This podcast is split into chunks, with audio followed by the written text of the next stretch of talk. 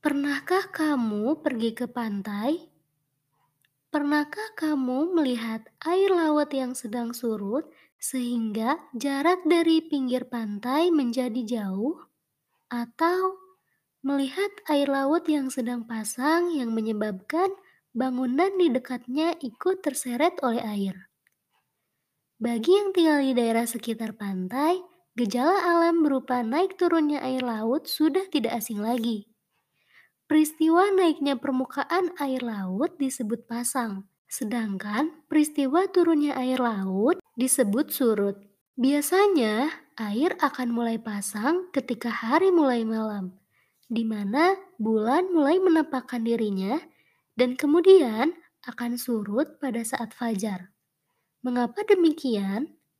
Karena pasang surut ini dipengaruhi oleh gaya gravitasi atau gaya tarik bulan dan matahari.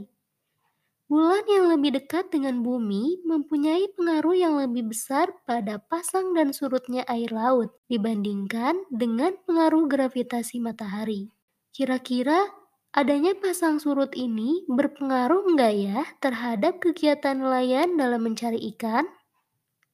Pasang air laut paling tinggi terjadi pada bulan purnama dan pasang air laut paling rendah terjadi pada bulan baru. Ketika pasang terjadi, bahaya bagi nelayan untuk berlayar mencari ikan. Hal ini juga terjadi di kota Pekalongan pada tanggal 15 Juli tahun 2022. Nelayan memilih untuk tidak melaut karena terjadi fenomena supermoon atau bulan purnama yang menyebabkan air laut pasang, sehingga para nelayan tidak melaut karena itu sangatlah berbahaya. Para nelayan memilih untuk melakukan aktivitas lain seperti memperbaiki jaring atau mesin kapal. Pada saat pasang rendah juga bisa dimanfaatkan dalam mencari ikan, karena ketika air laut sedang mengalami pasang, banyak ikan-ikan yang ikut terbawa hingga dekat dengan pesisir pantai. Lalu, apa yang bisa dilakukan pada saat air laut surut? Jika air laut surut, kapal besar tidak dapat merapat ke pelabuhan karena mengalami kesulitan membawa ikan hasil tangkapannya ke darat, sehingga diperlukan perahu yang lebih kecil yang dapat merapat ke pelabuhan. Tentunya, keadaan ini tidak menguntungkan bagi nelayan karena harus mengeluarkan biaya tambahan.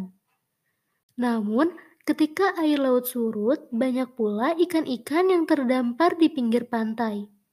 Hal inilah yang sering kali dimanfaatkan oleh penduduk di pesisir pantai dalam memanfaatkan pasang surut air laut.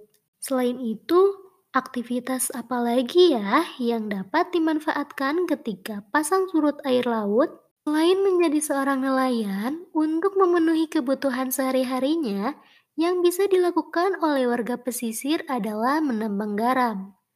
Garam yang dihasilkan dari air laut merupakan salah satu contoh nyata dari manfaat pasang surut air laut bagi warga sekitar pesisir pantai. Ketika air pasang, maka ini merupakan waktu yang tepat untuk mengumpulkan air laut. Selain itu, pasang surut ini juga bermanfaat untuk melakukan budidaya tambak. Letak tambak biasanya berada di sepanjang pantai.